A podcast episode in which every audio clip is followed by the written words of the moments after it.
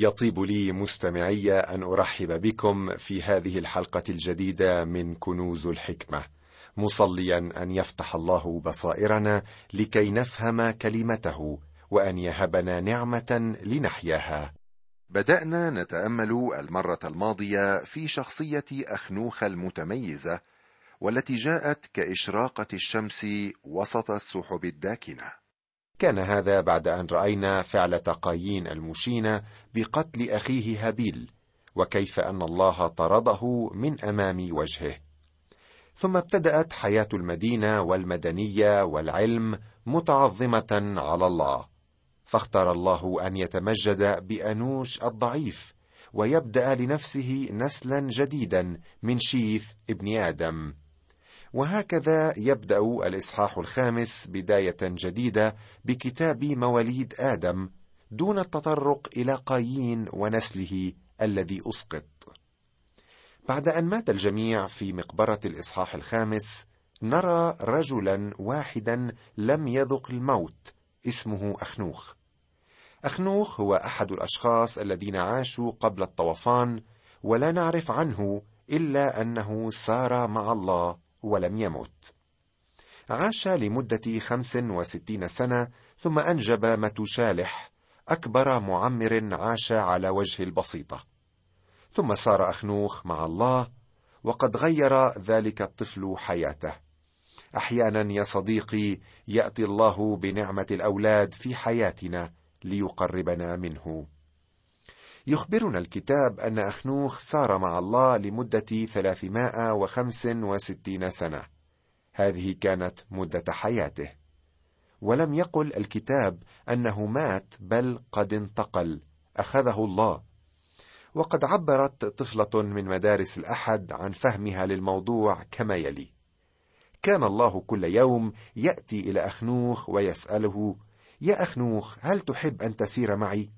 فكان يخرج أخنوخ من بيته ويذهب ليتمشى مع الله.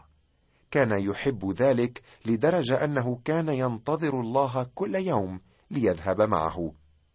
وفي أحد الأيام طال مشوار أخنوخ مع الله. فقال لقد تأخرت ينبغي أن أرجع إلى بيتي. فقال له الله نحن أقرب إلى بيتي من بيتك لم لا تأتي معي. فذهب أخنوخ مع الله إلى بيته. أعتقد مستمعي أن هذه أبسط طريقة لفهم انتقال أخنوخ. وفي هذا يا صديقي صورة لاختطاف المؤمنين عندما سيأتي المسيح مرة ثانية على السحاب. ورأينا من كلمة الله أن المؤمن بحكم وجوده في عالم شرير إما أن يعيش فترة ما ثم يرقد كما كان الحال مع هابيل وإما أن يجتاز العالم في قوة الاختطاف كما حصل مع أخنوخ. الاختطاف هو رجاء المؤمن. فكانت كل أيام متشالح تسعمائة وتسعا وستين سنة ومات. هذا هو أكبر معمر عاش على الأرض وقد عاش أكثر من آدم. وبهذا شكل هذان الرجلان الجسر بين الخليقه والطوفان. هناك ثغرة واضحة في المواليد هنا. وإذا رأينا مواليد المسيح في افتتاحية العهد الجديد نجد نقصا في الأسماء في محاولة لتقسيم الأنساب إلى ثلاثة أقسام متساوية. ومع ذلك فلا يوجد أي خطأ في هذه الأنساب.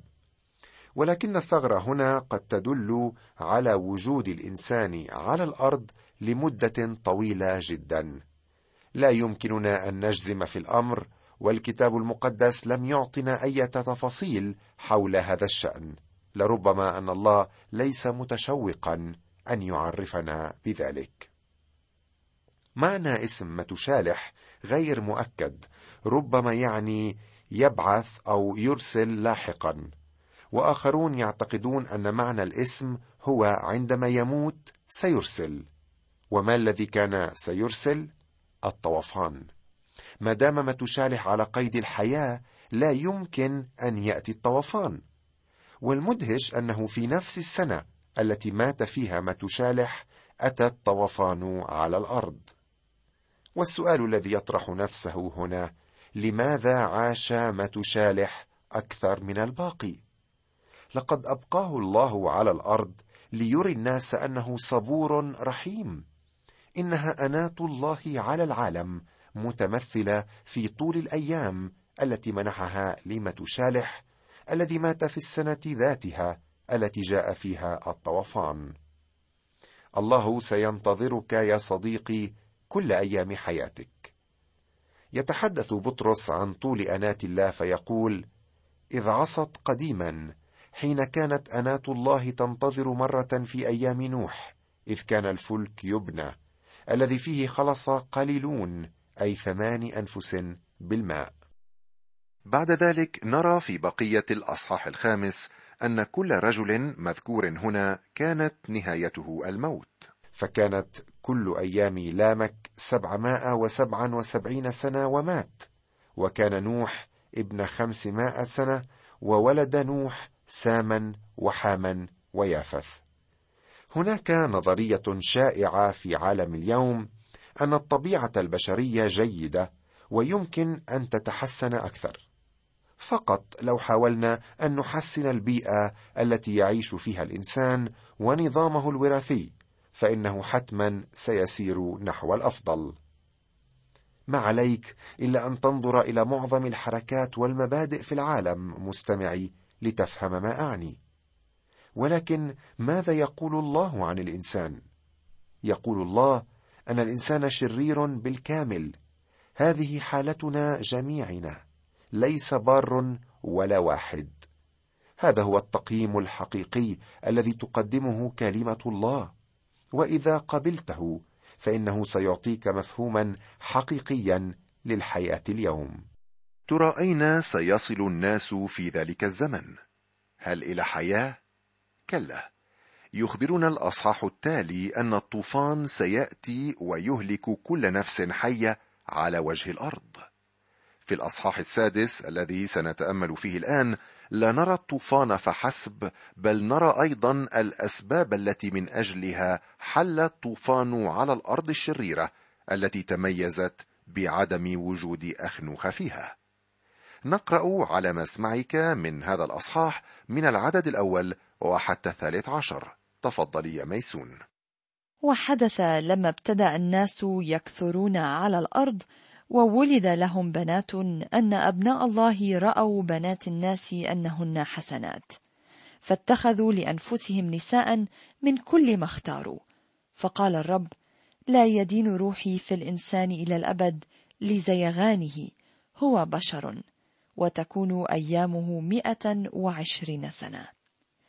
كان في الأرض طغاة في تلك الأيام وبعد ذلك أيضا إذ دخل بنو الله على بنات الناس وولدنا لهم أولادا هؤلاء هم الجبابرة الذين منذ الدهر ذو اسم. ورأى الرب أن شر الإنسان قد كثر في الأرض وأن كل تصور أفكار قلبه إنما هو شرير كل يوم. فحزن الرب أنه عمل الإنسان في الأرض وتأسف في قلبه. فقال الرب أمحو عن وجه الأرض الإنسان الذي خلقته. الإنسان مع بهائم ودبابات وطيور السماء لأني حزنت أني عملتهم. وأما نوح فوجد نعمة في عيني الرب. هذه موالد نوح. كان نوح رجلا بارا كاملا في أجياله وسار نوح مع الله. وولد نوح ثلاثة بنين ساما وحاما ويافث. وفسدت الأرض أمام الله. وامتلأت الأرض ظلما ورأى الله الأرض فإذا هي قد فسدت. إذ كان كل بشر قد أفسد طريقه على الأرض. فقال الله لنوح نهاية كل بشر قد أتت أمامي لأن الأرض امتلأت ظلما منهم فها أنا مهلكهم. مع الأرض. ليبارك الرب كلمته لنا. موضوع أبناء الله وبنات الناس هنا كان وما زال عرضة للنقاش الواسع. كثيرون يعتقدون أن أبناء الله هنا هم ملائكة. أنا شخصيا لا أوافق على هذا التفسير. لو كانوا فعلا ملائكة صالحين لما اقترفوا مثل ذا الذنب. ولو كانوا أشرار لما أطلق عليهم أبناء الله. كما أن النسل الناتج هنا هو بشر ليس مخلوقات غريبة.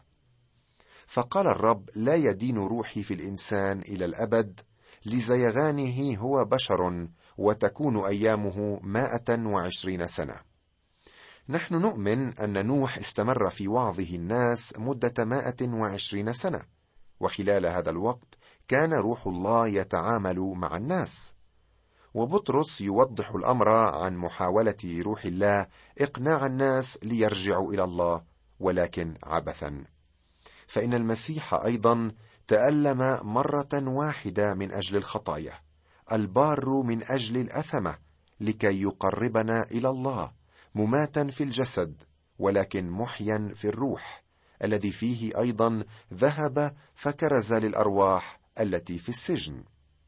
هؤلاء كانوا في السجن عندما كتب بطرس الرسالة ولكن كرز لهم في أيام نوح. نستطيع أن نعرف ذلك من العدد الذي يلي. إذ عصت قديما حين كانت اناه الله تنتظر مرة في أيام نوح إذ كان الفلك يبنى الذي فيه خلص قليلون أي ثمان أنفس بالماء. متى عصوا؟ خلال سنوات خدمة نوح الماء والعشرين.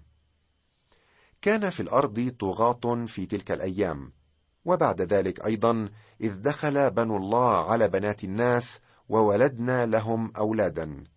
هؤلاء هم الجبابرة الذين منذ الدهر ذو اسم. لاحظ دقة التعبير هنا مستمعي.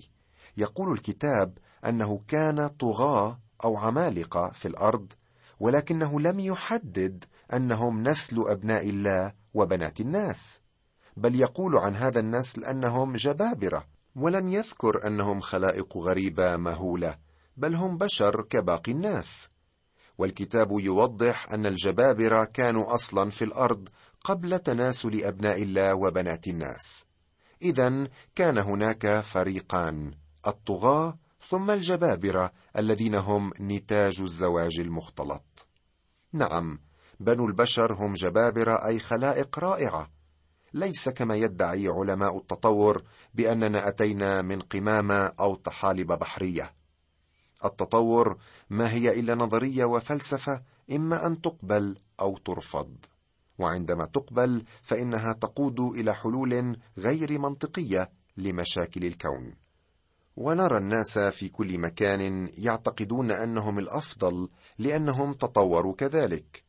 كلا يا صديقي الإنسان يعاني من سقوط سقوط مريع وهو اليوم فاسد كليا وإذا لم نعترف بهذا سنظل واقعين في ورطة كبرى لا مخرج منها. لنرجع الآن إلى الآية الرابعة من أصحاح تأملنا. أبناء الله هم النسل الصالح الذين أتوا من آدم عبر شيث ابنه. أما بنات الناس فهم من نسل قايين الشرير. وما تراه هنا هو تزاوج بين النسلين إلى أن يفسد الجميع. أنا أعرف أن هناك الكثيرين ممن يعتقدون أن أبناء الله هم الملائكة. أرجو الا يغضب مني أحد. هذه مجرد تفسيرات لكلمة الله حسب الاجتهاد الممكن ولا علاقة لها بصحة الكتاب المقدس أو عدم صحته. وأنا على ثقة أنه في اليوم الأخير سيكشف لنا الله الحقيقة الكاملة.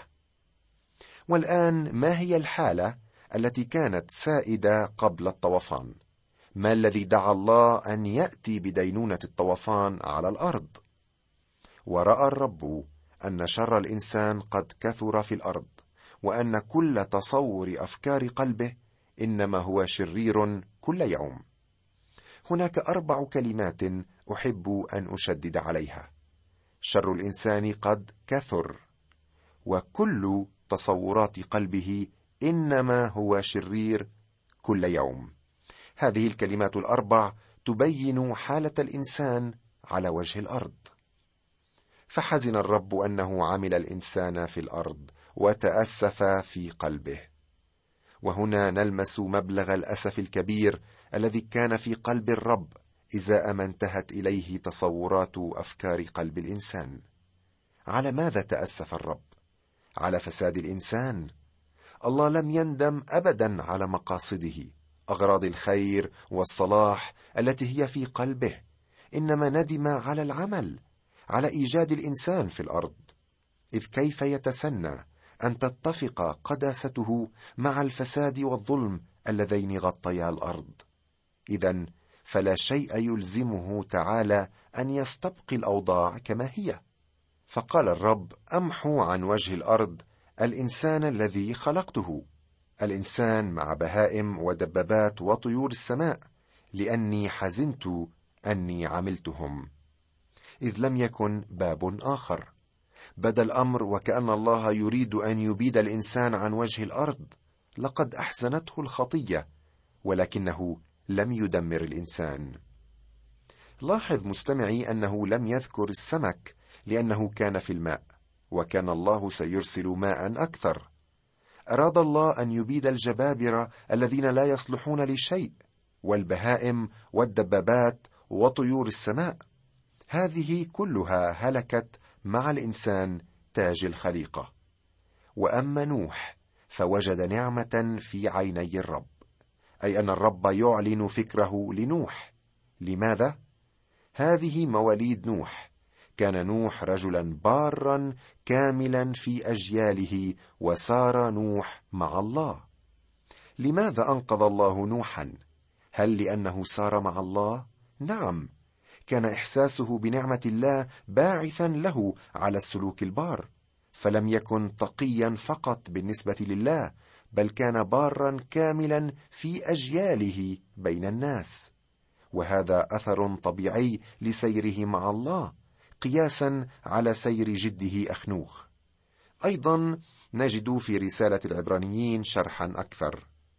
بالإيمان نوح لما أوحي إليه عن أمور لم ترى بعد خاف فبنى فلكا لخلاص بيته فبه دان العالم وصار وارثا للبر الذي حسب الإيمان. لقد تطلب إيمانا قويا بوحي عن أمور لم تر بعد أن يبني نوح فلكا على أرض جافة وتحت سماء لم تمطر حتى الرذاذ بعد. نعود إلى سؤالنا لماذا الطوفان؟ وفسدت الأرض أمام الله وامتلأت الأرض ظلما. ورأى الله الأرض فإذا هي قد فسدت إذ كان كل بشر قد أفسد طريقه على الأرض. إنما ينسب عن كل بشر هنا هو الفساد والظلم ولم يكن هناك عباده لأوثان أخرى. جاء الطوفان مستمعي لأن الإنسان أفسد طريقه وابتدأ يعمل ما يحلو له على الأرض. لقد تحول عن الهدف الذي قصده الله له فقال الله لنوح نهاية كل بشر قد أتت أمامي لأن الأرض امتلأت ظلما منهم فها أنا مهلكهم مع الأرض. إليك يا أخي الأسباب التي من أجلها أرسل الله الطوفان على الأرض. لقد وعد الله الإنسان بمخلص ليأتي إلى الأرض ويخلصه.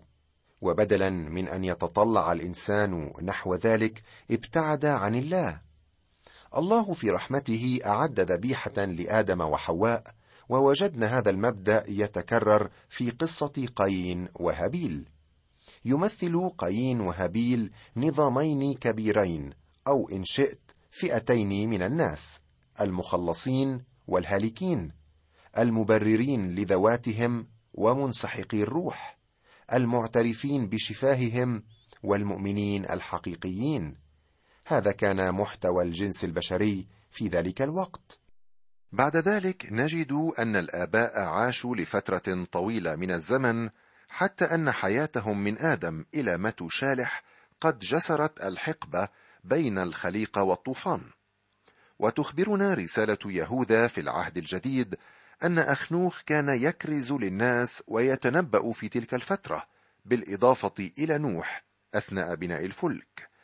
وعندما اختفى أخنوخ لابد أن ذلك حذرهم بتدخل الله في أمور البشر. ثم عرفوا عن متشالح ومعنى اسمه وعندما مات لابد وأنهم كانوا يتوقعون الطوفان. وأخيرا كانت خدمة روح الله بواسطة نوح في المجاهدة مع الناس ليرجعوا إلى الله. ولكن عندما رفض الناس الله كليا أرسل الطوفان دينونة على الأرض. رأى الله أن يضع حدا لشر الإنسان ولم يسمح بإطالة فترة الانتظار أكثر من 120 سنة.